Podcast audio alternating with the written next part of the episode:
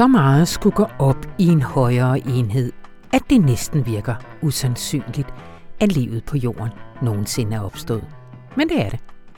Et sted på en ugæstfri klode opstod det første spæde liv, og lå derefter i milliarder af år og suppede rundt og formerede sig. Indtil en bakterie, en lille genial bakterie, fik en idé, der næsten udryddede alt andet. Af mikrober er vi kommet, til mikrober skal vi blive. For sandt at sige, lever vi på deres jord. Sådan skriver Johanne Pontoppidan Tuxen i ugens afsnit af Informationsstore Naturvidenskabskanon. I kan godt mærke, at jeg skabte lidt dramatik, og bliver I hængende, så skal I få endnu mere af det. Fordi øh, hun og hendes kollega Mikkel Voeller har netop sat sig for at formidle det her svære og, nogen vil sige, kedelige stof på en ny måde. Velkommen til Radio Information, hvor vi denne gang skal tale om den dag, lad os sige, det var en tirsdag, hvor alt liv opstod. Kom ikke at sige, at vi ikke giver dig den store baggrund for nyhederne. Mit navn det er Anna von Sperling. Rune Lykkeberg er også igennem til en snak om en ung mand ved navn Nick Larsen. Det var ham, der listede en lille fuckfinger ind på et billede af statsminister Mette Frederiksen. Sikke en uopdraget knægt. Hvad sker der dog for ungdommen nu til dag, sagde vi. Nej, det er optur, mener Rune Lykkeberg. Hør hvorfor sidst i programmet. Men allerførst så skal vi tale om digital kunst og om penge. Masser af penge. Og nye penge endda. Fordi 2021 blev for alvor året, hvor den nye digitale kunstverden gik mainstream og tegnede en fremtid, hvor kunst og kryptovaluta er to sider af samme mønt. Kulturredaktionens Johan Sten Nielsen han har sat sig for at forstå, hvorfor en indisk mand ville betale, hold lige fast, 430 millioner kroner for et digitalt værk, som alle bare kan gå ind og se. Og han prøver også at få mig og dig til at fatte det. Rigtig hjertelig velkommen til.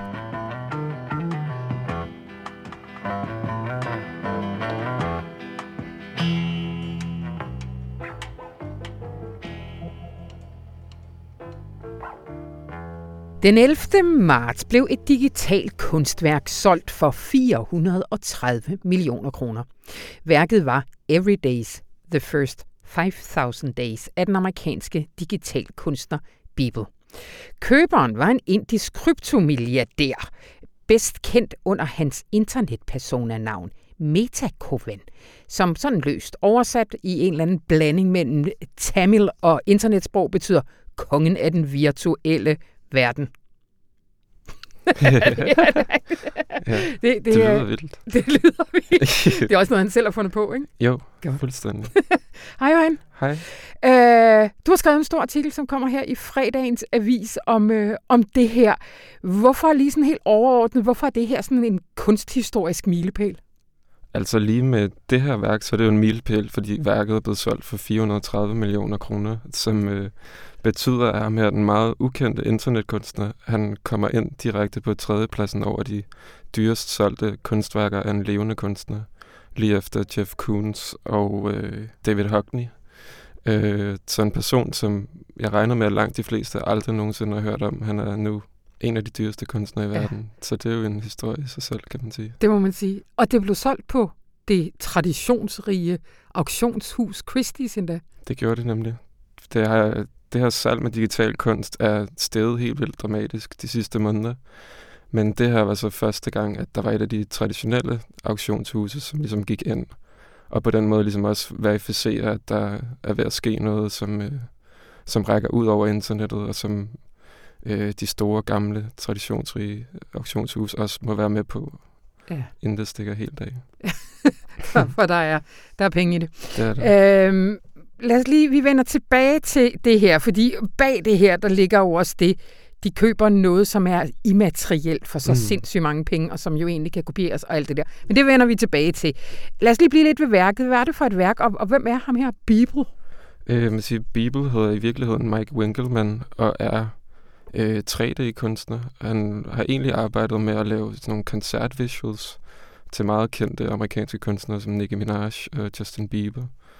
Og han havde også 1,9 millioner følgere på Instagram, så det er ikke fordi, han har været fuldstændig ukendt.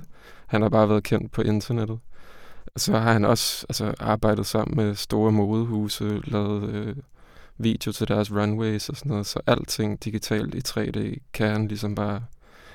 Øh, og det har han så brugt til det her værk, som er 5.000 3D-billeder, som han har lavet et af om dagen i 13,5 år, og som så nu er blevet sat sammen til den her kæmpe store digitale collage, mm-hmm. øh, som så er blevet solgt på Christie's. Mm. Og, og hvad, hvad er, øh, hvad skal man sige, teknikken bag det? Man kan sige, i virkeligheden så har øh, køberen med Takovan her, han har i virkeligheden bare købt et JPEG-billede. Altså et billede, som når du eller jeg tager et billede på vores iPhone. Men det, der så er specielt, er, at den her billedfil er blevet oprettet som det, man kalder en NFT, mm-hmm. som betyder en non-fungible token, eller en ikke-ombyttelig mønt, øh, hvilket vil sige, at den bliver oprettet ligesom en digital kryptomønt, men hvor at hvis man har en mønt som en bitcoin for eksempel, hvor en bitcoin kan byttes med en anden bitcoin, ligesom man kan bytte en en krone i den virkelige verden med en anden en krone, så er den her mønt så øh, helt speciel og unik. Så når man opretter i det her tilfælde det her JPEG-billede som en unik mønt, mm-hmm. så kan den ikke byttes med andet. Og fordi den så ligger på den her såkaldte blockchain, hvor den bliver låst, hvor øh, vi så kan verificere, at den her mønt eksisterer, og vi kan se, hvornår den bliver solgt, og alle fremtidige transaktioner, så kan man altså sikre, at det er ligesom, den ligger i en bankboks, men en decentraliseret bankboks. Mm. Så man kan ikke bare bryde ind i centralbanken og få den her kryptomønt. Man skal ligesom øh, bryde ind, eller lukke hele den her blockchain ned. Ja, blockchain, prøv lige at forklare, hvad, hvad er det? Men blockchain er ligesom Ja, det er meget svært at forklare, men det er en... Man skal forestille sig, som det ligger i ordet også, en kæde mm. af bokse, hvor information bliver lagret. Og i hver boks gemmer den så også informationen fra den næste boks. Så der er ligesom, man kan ikke bare angribe en boks, uden mm. at man så, så vil det bare blive verificeret et andet sted på kæden. Så der er ligesom en kæde, der sikrer, at man ikke kan angribe et enkelt punkt i netværket, men at man ligesom ja. skal lægge hele netværket ned. Ja. Nu er det uh, Christie's, der, der, der solgte det her, men, men, men hvor, hvor, det, hvor det blev, øh, blevet handlet før, at, uh, at de etablerede ville have en bid af kagen? Før der er det blevet solgt på uh, sådan nogle forskellige platforme. Der er en, der hedder Nifty Gateway, og så er der Super Rare og en masse andre platformer også, som egentlig bare er ligesom et, en, uh, side, hvor man kan købe, ligesom man kan købe på... Det ligner egentlig lidt Instagram sådan i opbygningen, og så kan man... Ja. Kunstnere kan oprette sider, så alle, der laver digital kunst, kan ligesom oprette sig inde på de her platforme, og brugerne kan så surfe rundt og se al den her forskellige digitale kunst. Mm. Øhm, jeg går ud fra, at du har været inde og surfe rundt. Det har jeg altså også. Ja. Og så bliver den selvfølgelig også kurateret, så de her forskellige hjemmesider har selvfølgelig lister over de kunstnere, der er blevet solgt mest, og de dyreste, så man ligesom har en måde at finde rundt i det her kæmpe virvar af, af kunst. Ja. Bliver du fristet, eller altså, hvordan, hvad, hvad tænker du, når du er derinde? Men jeg tror også, grunden til, at jeg ligesom skrev det her, fordi at der meget af det er så underligt, at altså, man næsten ikke forstår det. Ja. Øh, og det her med, at man kan købe noget, som ikke findes, men som man alligevel vil give så mange penge for ja. at eje, virker så abstrakt. Hvad gør man? Altså, har man det? Altså, hvad, hvad, hvad bruger folk det til? De køber så et eller andet. Altså, er det en screensaver, eller hvad? Altså... Ja, jeg tror, ja, der er jo ligesom, ligesom når man køber øh, kunst i virkeligheden. Altså, ja. den kan jo også øh, kopieres. Mange har også lavet det her sammenligning med, at hvorfor er det de her kunstværker som Mona Lisa, hvad er det, der er så specielt ved originalen, ja. som ikke er det samme med et genoptryk, for eksempel. Ja. Fordi ideen om, at der er en speciel aura over kunstværket, kan jo være svært at forstå, fordi alle i virkeligheden kan have fuldstændig foto-eksakte kopier. Øh, så det er også det argument, de laver her med, med internetkunsten, at ja. der er jo simpelthen folk, der vil sikre, at de ejer originalen, og at det har en stor værdi i sig selv. Ja. Og så er der så også alle de andre argumenter, folk siger, at der måske også er nogle andre motiver, der ligger bag, når man så begynder at spekulere i det her. Og vi vender lidt tilbage til det, der spekuleres i, at øh, vores øh, hovedperson her er grunden til, at han købte ja. øh, det her. Men, men jeg, vil godt, øh, jeg vil godt lige øh, blive lidt ved det her med, altså, Metakovan her, og, øh, mm. og også mange andre taler om det demokratiske potentiale i det mm. her. Hvad, hvad er det potentiale? Men jeg tror, man skal sige, at det, der er med ham her, Metakovan, det er, at han kommer fra den her kryptoverden. Han har tjent alle sine penge på kryptovaluta. Ja. Han var en af de første, der investerede i den kryptovaluta, der hedder Ether, som øh, er understøttet af den blockchain, der hedder Ethereum, mm-hmm. som efter øh, Bitcoin er den største blockchain og den største mønt. Ja. Og den var han en af de første investorer i for 13 år siden. Og det han også skriver i det nyhedsbrev, som jeg refererer i artiklen, det er, at han er han kom fra ingenting. Han er en fattig indisk dreng, eller ung mand, mm. som har tjent fuldstændig enorme beløb på den her nye kryptovaluta, som giver en helt ny gruppe af mennesker en mulighed for at, at tjene penge, som ikke vil være muligt på samme måde i den fysiske verden. Øh, så det, han siger med det her kunst, er også, at for ham symboliserer det jo, at han som en af de her kryptomilliardærer nu kan komme ind på det her kunstmarked, mm. som har for størstedelen har været præget af store kunstopkøbere, ja, primært fra USA og meget og hvide amerikanske, og meget ja. amerikanske. Øh, så der er hele det aspekt i, at det ja. er en måde at demokratisere. Og så tror jeg også, han vil sige, at der ligesom er en måde at demokratisere, hvad for noget kunst, der skal have værdi. Fordi ja. det her er kunst for en ny tid også, og en ny æstetik osv. Umiddelbart så, så kunne man jo tænke, det her det er jo perfekt, for det er også immaterielt, og det er jo godt for en klode med begrænsede ressourcer. Men, Ja. men der har faktisk været en uh, lidt en, uh, en, uh, en klima, uh, hvad hedder det, belastningskritik af, af det her også. Kan du ikke sige lidt om Det det? har der nemlig. Og det følger også en helt generel kritik, som der er af de her øh, kryptovalutaer. Fordi det er jo ikke sådan, at de her ting, de ligesom kun eksisterer øh, digitalt. Der er jo ligesom øh, computere, der står og gør det, som hedder at mine, hvor man ligesom skaber de her mønter. Mm. Og det er for eksempel Ethereum, som er den blockchain, som, øh, som vi snakker om her. Den kører på server, der for eksempel står op på Island med computere, der bare står og arbejder i døgndrift, og som så ligesom skal køles ned for at kunne blive holdt kørende, fordi de ellers vil overophede fuldstændig. Hmm. Og det er der altså en stor klimabelastning ved Ja. at holde det her kørende. Du, du refererer, der er en eller anden specifik kunstner, der fik lidt et chok, da han fandt ud af, hvad hans kunst egentlig kostede. Ja, præcis. Han, øh, han solgte seks værker som NFT'er her, Ja. øh, og fandt så ud af, at det strømforbrug, han havde haft ved at sælge de her seks, som havde taget cirka 8 sekunder, den der online auktion, det havde kostet lige så meget strøm, som øh, at have øh, strøm kørende i hans atelier i to år. Så der var ligesom sådan en rimelig stor downside Ja. øh, ved det her, som ellers skulle give ham muligheden for at sælge sine værker. Så man vil sige, det var en kunstner, som havde mulighed for at gå udenom gallerierne, og uden at der skulle tages en del af hans penge for at sælge sin kunst. Men så viste det sig, altså, at han var altså en kunstner, der lavede kunst, der øh, forholdt sig til klimakrisen, som så fandt ud af, at da han så solgte de her klimakritiske værker, så, øh, så var han altså samtidig i gang med at bruge en helt abnorm mængde strøm. Ja. Og det er en generel kritik. Og Bibel, så jeg lige her, øh, her siden øh, artiklen blev sendt til tryk, er også med i en auktion nu med et værk, hvor øh, overskud så går til klimainitiativer. Så der er ligesom noget, som der bliver tænkt over, Ja. både fra små kunstnere og de store her. Ja. Lad os lige slutte af. Metakovan. Altså, det, det er jo sjovt, fordi der har jo altid været det her med, altså kunst og penge har hængt så tæt sammen altid, men med den her digitale kunst, Mm. så kan det helt konkret, kan kunsten blive til penge. Ja, Hvad, Det er hvad, det. er det, hvad er det, han har tænkt sig at gøre med det?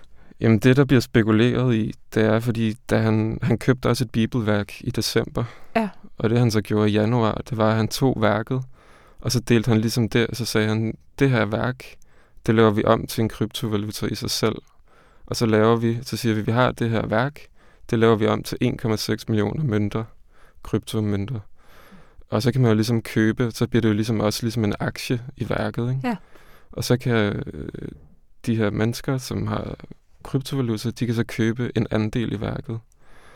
Ja, på den måde bliver det jo så en demokratisering af hans argument. Ja. Samtidig med, at han så også viser værkerne inde i de her digitale verdener, Ja. som jeg også nævner i artiklen, som det her, der hedder Decentraland. Som ligesom Nu kan er, vi snart ikke, vi kan snart nu ikke kan have mere i hovedet. flere, Nej. flere navne og Men han laver, han laver simpelthen en helt... Han har ligesom lavet et helt digitalt museum ind i den her digitale virkelighed. Og det kan man så også købe aktier i. Så man tager ligesom kunstværkerne og digitale museer og gør det til noget, som øh, internetbrugere kan blive en del af at eje. Ja. Øh, men det vil så også øh, betyde, at det er jo så også, at der så bliver øh, åbnet op for helt måder, nye måder at spekulere i kunst. Så det er ikke bare selv at købe værket. Nu kan man så også lave værket om til 1,6 millioner dele, som kan blive øh, til genstand for ny spekulation. Og værket, det kan man, hvis man går ind på, øh, på artiklen, så kan man se det sådan meget øh, med små sådan pixels, men Ja. er der et sted, hvor man egentlig kan gå, på, gå, sådan, gå ind i værket og se Det- de enkelte? Ja, altså jeg har endnu ikke fundet en funktion, hvor man ligesom ser hele værket, og så ligesom kan zoome ind. Nå, okay. Men det smarte er jo, at han har lagt de her enkelte billeder op på sin Instagram hver dag de sidste 13 år. Så, ah, som så hvis du bare går ind på Bibels, Bibels. Instagram, som hedder Godt. Bibel underscore crap, som er Bibel lort, så kan du altså bare scrolle ned igennem øh, hele værket, som bare ligger på Instagram. godt. Og, og ser nogenlunde ud, ligesom det gør på Metakovans øh, På hans computer. computer. Han er bare, hvad var det, 430 millioner kroner Ja, fattigere, indtil han bliver skiderig af at indtil sælge det han igen. øh, kan Ja. sælge det igen. Ja. Det er sagt med vildt. Men øh, tusind tak, Johan. Det, øh, var vi blev lidt. meget klogere. Det er jeg glad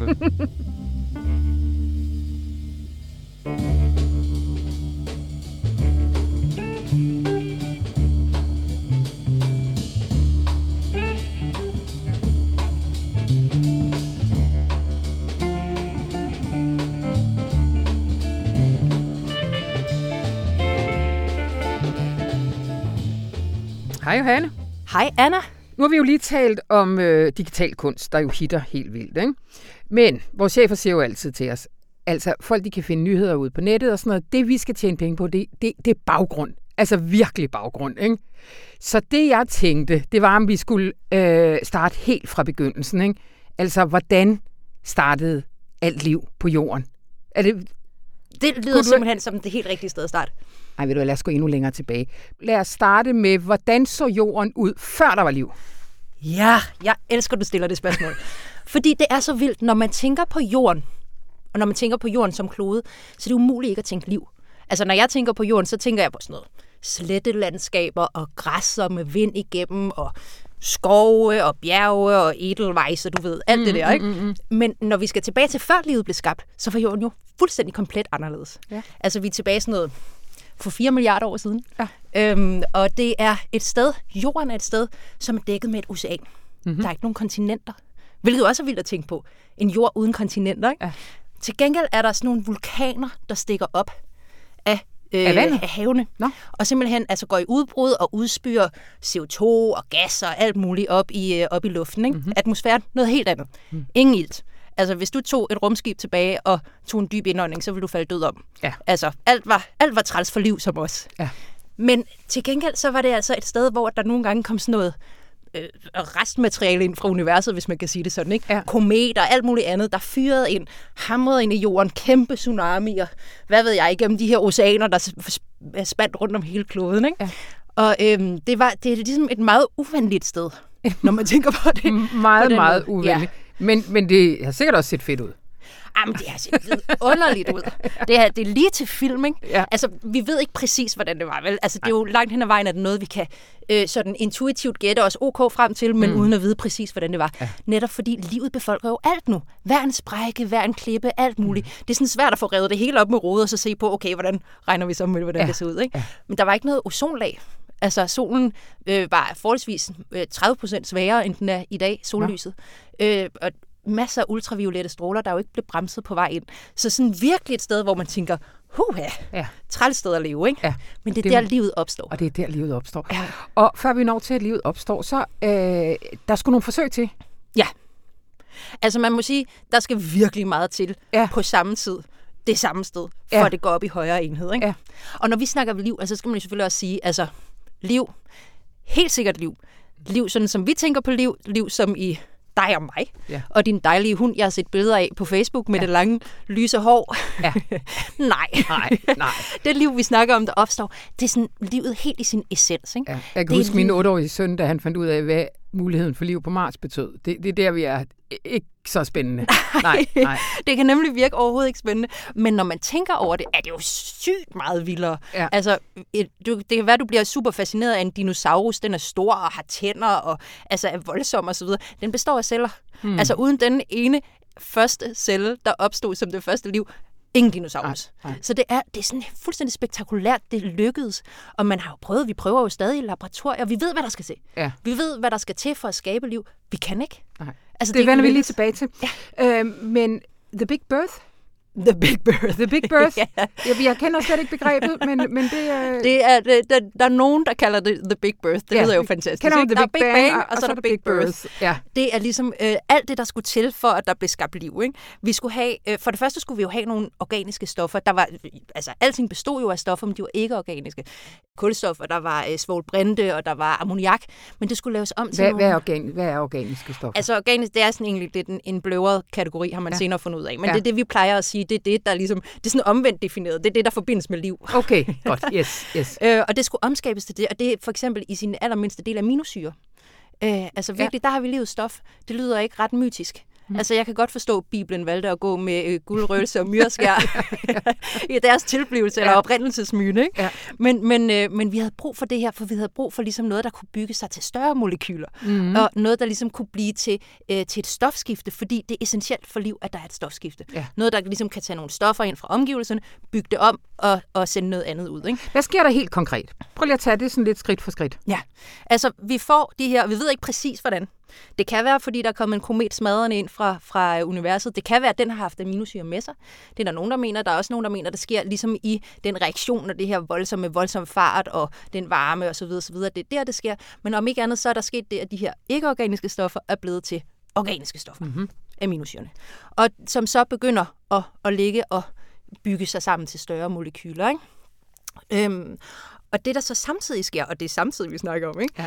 det er, at de skal have et hus, de skal have et hjem. De skal jo, for at kunne tage noget ind fra omgivelserne, så bliver man nødt til at have en barriere, der ligesom siger, her er livet, her er omgivelserne. Ikke? Ja. Øhm, så, så de skal have, og der er sådan nogle fedtstoffer, der, der samler sig meget behendigt samler sig i sådan nogle små, dejlige, helt spontane, sådan nogle små aflukker, mm-hmm. hvor livet kan ligge inde og, og, og, og summe lidt i sit halvliv, kan man sige. Ikke? Mm-hmm. Og så som den tredje ting, man skal have, før der er liv, det er, at du bliver nødt til at have en manual. Fordi det er jo fint nok, der er et stofskifte og et hus, men hvis det ikke kan give noget videre til næste generation osv., osv. hvis Ja. det ikke kan udvikle sig, så er der ikke liv. Mm. Som vi definerer det. Ikke? Så vi har brug det i dig, i dig vil det være dit DNA. Ikke? Ja. Øh, men DNA er vildt komplekst. Ikke? Ja. Øh, så det er sådan noget, der er sådan en øh, vidunderlig amerikansk videnskabskvinde, der har sagt, altså, at DNA står nok for do not ask. altså, Det vil jeg vi kan ikke sige, med. vi kan ikke Nej. sige at, hvordan det her skulle være opstået af sig selv. Ja. Der er det beslægtede RNA, det, mm, det kan sådan lidt bedre opstå spontant, hvis det ligger i en suppe af de helt rigtige ting under de rigtige øh, hvad hedder det, betingelser. Ikke? Men om ikke andet er det sket, mm. og det der er så vildt, og det er jo mysteriet over alle mysterier, det er, at vi har både skulle skabe et stofskifte med de her aminosyre og molekyler, vi har skulle have et hus, og vi skulle have en manual, og det skulle ske nogenlunde samtidig mm. Øh, på den her mærkelige planet. Ikke? Ja. Men da det skete, da det ligesom lykkedes en eller anden, hvad ved jeg, tirsdag, ikke? Ja. Da, der ligesom opstod for første gang den her celle, der lykkedes med det hele. Ja. Det var Big Birth. Ja. Og den celle, og det synes jeg er så mindblowing at tænke på, den celle stammer vi alle sammen fra. Mm. Altså det er ligesom den, der starter alt liv, der kommer mm. senere, al den diversitet, vi ser omkring os, alle de arter, alle de planter, alle de øh, mikroorganismer, alting, den celle. Mm. Værsgo. Mm. Så er der liv. Øh, vi talte sammen her tidligere i dag, og så, så sagde du, ja, men min artikel handler jo også om, om de, hvor mange, hvor mange år der er efter. Og nogle milliarder. Nogle milliarder år efter, og så sagde jeg sådan, Ej, vi skal også nå noget andet, så speed lige op på det, ikke? Det, det aftaler vi, så speed lige op, hvad sker der Vi, lige? vi, okay, ja. den første celle, det, det er så en celle med liv i, bakterie. Det er en bakterie. Ja. Og den ligger i nogle milliarder år og formerer sig, mm, har det lækkert, øh, trækker stoffer ind, laver dem om, for, bliver til, forgrener sig, bliver til nogle forskellige typer bakterier, der udvikler sig. Og så på et tidspunkt er der en bakterie, der finder på en vild idé. Mm-hmm. Og det er, at den bruger solens energi til at splitte vandmolekylet H2O ikke? Mm. i brint H, øh, som er super lækkert at lave alle mulige forbindelser af, som livet kan bruge, og så det her ilt. mm. som det ikke rigtig kan bruge til noget. Mm-hmm. Så det gav sådan ud, og det blev en katastrofe. Man kalder det faktisk iltkatastrofen. Nå. Og det er simpelthen fordi ilt, fri ilt, altså det lyder livligt og dejligt, Ja. det er et giftstof. Nå, Hvis du ikke har lært at leve med ilt, så ødelægger det dig. Okay. Og ilt er til gengæld super ekstrovert. Det er sådan en rigtig festløve, ikke? Ja. Ja. Altså det skal bare ud og forbinde sig med alle mulige. Ja. Så stort set alt liv døde. For det var ikke vant til at have det her fri omkring sig. Ikke? Og derfor så var det kun dem, der enten fandt steder, hvor ilten ikke kunne komme, blev til de her an- anaerobe, eller var anaerobe bakterier fortsat med det. Og så var der dem, der lærte sig at leve med det. Og det er dem, vi stammer fra. Ah. Vi stammer ligesom fra dem, der ligesom fandt ud af, hmm, ilt, okay, det er fint nok. Ja. Det kan faktisk hjælpe mig. Det Ja. speeder mit stofskifte helt vildt op. Og så var det, at livet ligesom derfra tog sådan whoosh, Ja. og, og, og blev til noget helt andet. Ikke? Ja. Og fik et helt andet altså, øh, klima at leve i, kan man Ja. ja. også sige, fordi ilten ligesom øh, begyndte at opfylde havene. Det fik faktisk i starten havene til at ruste, fordi de gik i forbindelse med jern. Havene blev røde. Nå. Er det ikke vildt at tænke på? Wow. Ja, og så begyndte det at fylde atmosfæren, og livet. Så dem, der havde lavet altså cyanobakterierne, som var de første til den idé der, ja. det er jo fotosyntese, når man bruger solens stråler til at Ja. splitte, ikke? Ja.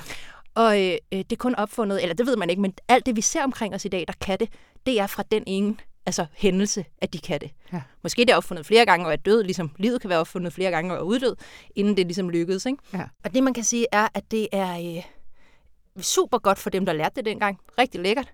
Rigtig træls for dem, der ikke gjorde. Ja. Men så var der så en af de her store bakterier, som ikke havde lært det, som fandt på noget meget snut. Og det var, at den, øh, den slugte en af de her bakterier, der kunne. Og så i stedet for at spise den, så holdt den levende inde i sig. Mm-hmm. Altså faktisk en lille sul, sul sadomasochistisk forhold, de fik udviklet der. Ikke? Så den lå inde i den store celle og, og lavede fotosyntese og fik det ud af den, den kunne få. Og så delte den det med sin værtscelle, ikke? Ja. som så til gengæld gav den beskyttelse for ikke at blive spist af andre. Det lyder super mafiøst, ikke? Ja, altså, det er ja. virkelig sådan, du giver mig nogle beskyttelsespenge, Ja, ja, og så ja. giver jeg dig noget, jeg kan i stedet. Ja. Ikke? Øh, man påstår, at det er øh, et lykkeligt samspil, en symbiotisk lykkeligt samspil, men man kan jo ikke spørge dem, vel? Så Nej. måske er det sådan noget hersker-slave, jeg ved det ikke. men det er i hvert fald, der tog livet et ordentligt skridt videre, fordi det blev til meget mere komplekst, og de her celler, eukaryoter kalder man dem, de har kerne, og så har de en masse, ligesom et kollektiv, ikke? så er der en masse kammer rundt omkring, ikke? hvor der ligesom er forskellige celler inde i cellen, der kan lave alle mulige forskellige ting, som for eksempel fotosyntese. Mm-hmm. Øh, og det gjorde, at livet derfra ligesom kunne udvikle sig til noget helt andet, og til det, det er blevet i dag. Hold da kæft. Jeg sidder her sådan lidt med åben mund og på løber, ikke? og det er, skal vi sige, det er 20 procent fascination over livets mirakel, men det er 80 procent fascination over, at du kan alt det her, Johanne. Det er helt vildt. Man lærer hurtigt, når man skal prøve at sætte sig ind i det der. Nej, men det er jo simpelthen så sindssygt, fordi nu kan vi jo godt afsløre, altså, du har jo absolut ingen forudsætninger for det her. Nej, Altså, hvad er det, du er uddannet? Øh, jeg er journalist. Du er journalist. og helt Og det er, jo, den det er der- jo sådan per definition at vide ingenting om noget som helst. Ingenting og meget bredt. Øh, meget lidt og meget bredt. Ja.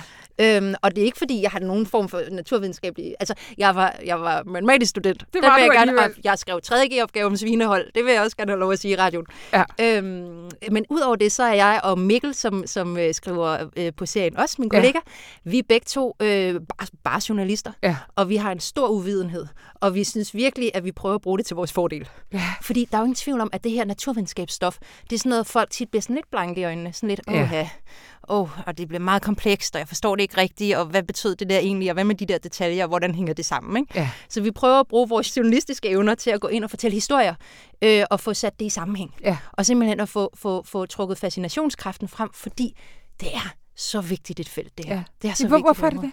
Men det er det, altså hele, det hele, hele ideen udsprang af, at vi render rundt i de kriser, vi render rundt i. Ikke? Ja. Altså vi har klimakrisen, og der er biodiversitetskrisen, og der er pandemierne, vi render rundt i. Og de har en fællesnævner, minimum en, mm. og det er, at det har virkelig meget med naturvidenskab at gøre. Så altså, ideen var, at man kan ligesom ikke gå rundt i Danmark og synes, man er påklædt som et dannet menneske, øh, ved bare at have læst, øh, hvad ved jeg, øh, Sten Stensens Blikkers samlede værker. Altså, Nej. du bliver nødt til at have en eller anden form for, for fundament, en erkendelse af en viden om, hvad er naturvidenskab egentlig for noget, hvad er det, der omgiver os, og hvad er det egentlig, som vores liv er baseret på. Ikke? Ja. Så ideen var, at vi ville prøve at skabe det fundament øh, igennem 52 artikler, Ja. en om ugen i hele øh, 2021, og så vil vi øh, forsøge derfra ligesom at give læseren både en, en basis, øh, forståelse for alle mange mekanismer, men lige så meget videnskabsudviklingen, lige så meget ideen om, at videnskab er, er en plastisk størrelse, der mm. udvikler sig. At vi ikke nødvendigvis ved stålsat, sådan her er det, okay, jeg indser om fem minutter, hvor nogle andre finder ud af noget, der enten bygges Ja. ovenpå, eller, eller, eller eroderer fundamentet, eller der skal lige et annex på den her bygning. Ikke? Ja. Øhm, så så, så øh, hele ideen er, at vi gerne vil have folk til at have en større forståelse for naturvidenskaben i forhold til den verden, vi lever i. Og det vil vi også gerne selv have, Ja, Mikkel. ja. Hvordan, hvordan griber I det helt konkret an? Øh, Har, har, har du googlet, hvordan startede alt liv? Ja, det har jeg mange gange. Nok ikke lige så mange gange, som livet nåede at opstå, for det overlevede, men det er tæt på. Ikke? Ja. Øh, ja, det har jeg googlet mange Ja. gange, og, og jeg har, altså, hver gang er det noget med at ringe og snakke med nogle eksperter, og nogle af interviewsene er meget sådan søgende. Ja. Hvor, er, hvad, hvor er det her? Hvad er de gode historier osv.? Det handler ja. om at finde de rigtige bøger og læse i og finde ud af, hvordan skærer man den her helt rigtigt. Og så forhåbentlig få skrevet en artikel, som både fascinerer og oplyser. Ja. Og indtil videre nu, så har I været oppe i rummet. Nu er I kommet ned på jorden her, de sidste ja. to artikler. Hvad sker der, hvad sker der herfra? Hvordan, hvordan er serien bygget op? Altså serien har- er sådan bygget op som et zoom. Ja, Så vi startede ligesom med det, det helt store altså zoom, øh, hvad hedder det, objektiv på, mm. på, på kameraet, ikke? Øh, og startede ude i rummet, og startede med sådan øh, universet og også videnskabserkendelse, ikke? Altså, hvor går vores grænser for erkendelsen? Øhm, og så er vi kommet ned på jorden, og nu følger vi livets udvikling, og øh, så kommer vi ind omkring selvfølgelig biodiversitet, men vi kommer også helt ind i mennesket, ikke? mm-hmm. Altså øh, helt ind til, til de allermindste dele. Øhm, så det er sådan et, et, et overordnet zoom. Vi zoomer længere, længere, længere, længere, længere, længere, længere ind. ja. Og så giver vi forhåbentlig på vejen en masse øh, perspektiv og sammenhæng i, i det her. Ikke? Fordi det er virkelig noget af det, vi har fået som erkendelse. Ja. Det er sammenhængende, at, at det hele ligesom hænger sammen. Ikke? Mm. Og det er jo både, altså det er jo for eksempel det med den ene celle, vi alle sammen stammer fra, mm. så bare er så vildt at tænke Mm, mm. på. Ikke? Øh, det er jo også i forhold til det her, altså størrelsesforholdene, men det er lige så meget i forhold til, nu har vi alle sammen set klimaaktivister gå med sådan nogle øh, banner, hvor der står, there is no planet B, ikke? Mm. hvilket jo er sandsynligvis er rigtigt. Mm. men selv hvis der var, altså selv hvis det lykkedes at, også at få sendt øh, 50 mennesker til Mars, og så kan de lave en koloni der, ikke? så vil de komme til om 500 år og sidde og kigge op på jorden og tænke, ej, fortælle hinanden legender om det her paradis, vi levede på. Ikke? Altså, Ja. fordi vi er bare skabt til det her. Ikke? Ja, Altså, ja. vi er skabt til lige præcis de 21 procent ilt i atmosfæren, der er, og til det dyreliv og det planteliv, og hvordan de øh, veksler og har systemer sammen, og øh, de oceaner, vi har, og de klipper, vi har. Det det her, vi kommer af. Mm, ikke? Så selv hvis vi slipper det, og tror, vi kan tage os selv som, som hele mennesker med op til Mars, Ja. så jeg har, vi har en god kollega, Rasmus Bo Sørensen, som er en vidunderlig rimsmed, og jeg prøver virkelig at få ham til at skrive øh, melankolske sange fra en fjern planet, Ja. fordi jeg tror, at de vil kunne leve i århundreder, hvis vi ender et eller andet sted i rummet. Ja. For vi vil simpelthen sidde længes tilbage mod det paradis, som vi boede på engang, og som ja. hed planeten Jorden. Og det er måske det mindset, vi skal, vi skal prøve at allerede opbygge nu. At forestille os, at vi sidder og kigger ned på det, og ikke kan komme derned. Det kan være, det er det, der skal Det til, vil være for, vi for rykker. os. Ja, det er det. øhm, Johan, man kan læse meget mere, og skal det jo lige siges, man kan lytte til dem. Det har øh, faste øh, lytter- og radioinformation, og måske allerede skrevet sig bag ørerne, at selv samme Rasmus Bo Sørensen, han jo læser dem højt hver eneste uge, det som du og Mikkel skriver. Men lige her før, at vi, øh, der slipper dig, vi lovede jo, at vi skulle komme tilbage til det med, at der er nogen, der er i gang med at skabe liv lige nu, og du har talt med en af dem. Ja. Der sidder, der sidder øh, en mand eller en gruppe mennesker, der nu har mistet deres penge. Ja. Fortæl. Der sidder faktisk forskellige steder i verden, men Ja. ja. i Danmark, i Odense, Mm. mm. sidder der øh, en øh, professor, Sten Rasmussen, som, øh, som øh, er i gang med at prøve at skabe kunstigt liv. Ja. Og, øh, og det er noget, han har været i gang med længe, længe, længe. Og det er sådan noget, som de har haft. Altså, vi snakker flere cifrede, trecifrede millionbeløb til Mm. at gøre, og de stadig ikke nået det. Og han var sådan, jeg tror lige, vi er på vippen, siger han, ikke? Johanne, jeg tror lige, vi er på vippen. og så siger han, nå, okay, spændende, hvad så? Ja, siger han så. Ja, det troede jeg også for 10 år siden. Ja. og det viser jo meget godt kompleksiteten, Ja. ikke? Altså det der med, vi ved, hvad der skal til. Vi ved, vi tror, vi har, vi anser jo os selv som ret avancerede væs- væsener, ikke? Ja. Så vi ved, hvad der skal til for at skabe liv. Men den proces, hvor det ligesom det hele spiller sammen, og det hele interagerer og vekselvirker på den rigtige måde, på det mm. rigtige tidspunkt, den har vi sgu ikke regnet ud. Men han sidder simpelthen med en petriskål, og så de tre elementer, du tidligere... Ja, det gør hans keep. Altså, han har ligesom et hold af, Ja. af folk omkring sig og så videre, ikke? Og, og han er ligesom, ja, nu siger jeg mastermind, det vil han nok ikke blive, men hvad ved jeg. Nej, nej. Men, men om ikke andet er de et hold om at prøve at skabe det her, ikke? Men ja. de er løbet tør for penge nu, så lige nu er det ikke laboratoriet. Det er jo dyrt, ikke? Ja. Ja. Men, øh, men Nå. øh, ja, de prøver virkelig, og det, hans perspektiver er, at øh, selvfølgelig prøve at forstå livets Ja. ja. udvikling noget bedre, men lige så meget det der med, at hvis man kan skabe kunstigt liv, Ja. ja. så kan vi begynde at skabe ting, vi bruger ud af organiske materialer. Ligesom din sweater for eksempel. Ikke? Mm. Hvis du river et hul i din sweater, så skal du enten sy den eller smide den ud. Ikke? Ja. Men, men din hud, hvis du ri- river din hud, så kan den genskabe sig selv. Ikke? Så øh, altså, hvis du havde en sweater bestående af noget af samme, du ved, ja. type logik som din hud, kan man sige, ikke? så ville den kunne reparere sig selv. Ikke? Eller din computer, den kunne måske i stedet for at bestå af plastik og alt muligt andet, som vi smider på lossepladsen eller brænder af, så, øh, så kunne det bestå af noget, der kunne indgå i det store kredsløb efterfølgende. Ja. Øh, som, som en, en form for øh, øh, holistisk gående i et, ligesom vi selv gør, når ja. vi dør. Jeg har lyst til at snakke meget mere. Vi har overhovedet ikke tid. Nej, Tusind tak, Johanne Pontoppidan Tuxen. Og jeg vil, vil altså virkelig gerne have, at du kommer igen. Hvad, hvad, hvad, hvad skriver I om i næste uge? I næste uge, der skriver vi om øh, en kæmpe eksplosion, der var. Nu, nu har vi jo livet på, på nu, som vi ja. har snakket om. Ikke? Ja. Okay, vi er lidt utålmodige også. Vi vil jo også gerne, åh, hvor dyrene, ja. ikke? Ja. De kommer i næste uge, ikke? Og det kommer med sådan whoosh. Så bliver havene fulde af dyr, ikke? Godt. Og så kommer rovdyrene, og så jager rovdyrene livet op på land. Det er rovdyrenes tid næste uge. Tid. Tusind tak, Johanne Pontoppidan Tuxen.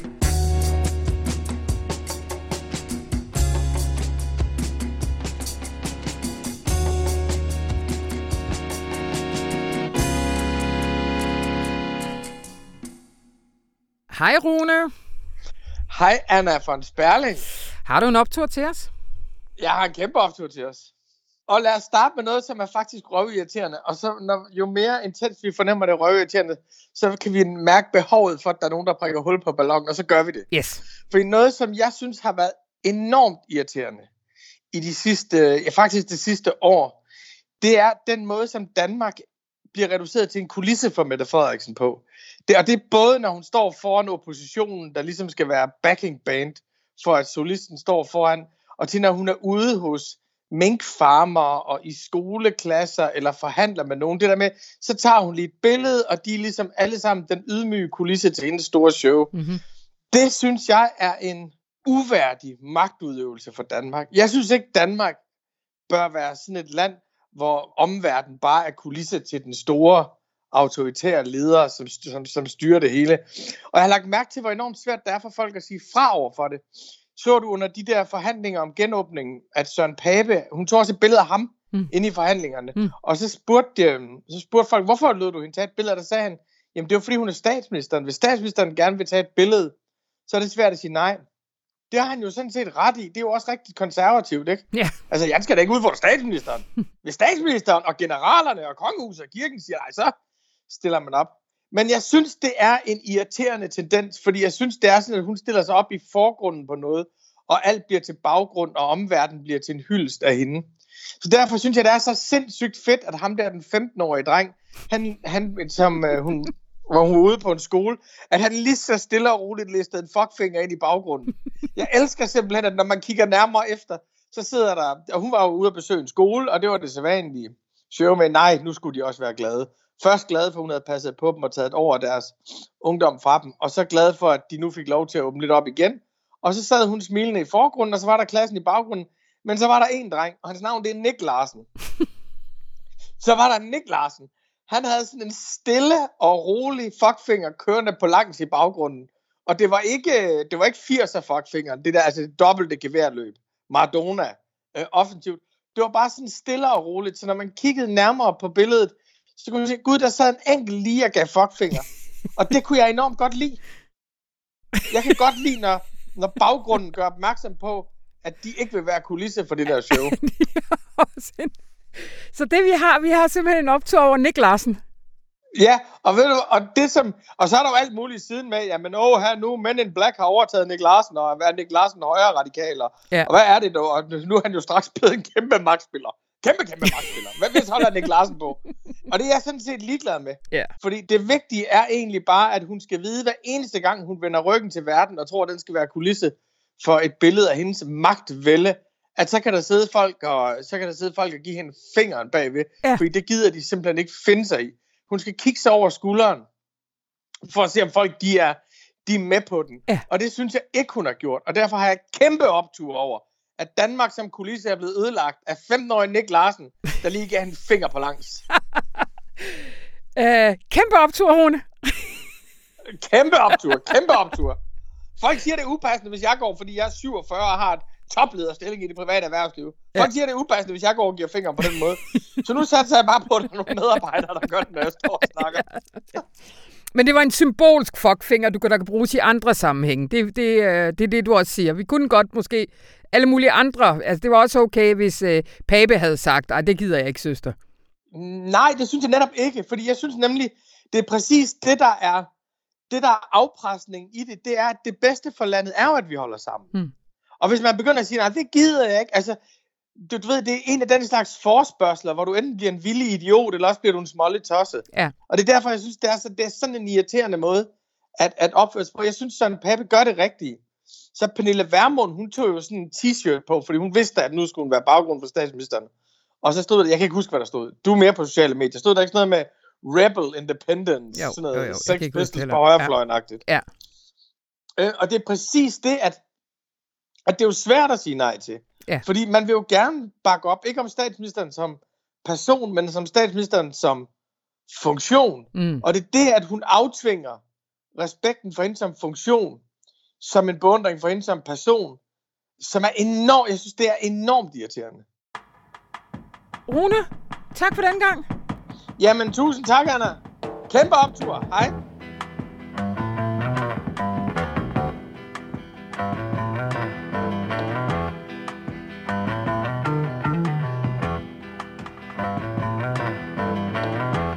Og det var, hvad vi havde for denne uge. Øh, lyt med næste uge, hvor det var påske, og du har masser af tid, og jeg skal nok finde på noget rigtig lækkert at putte i det program.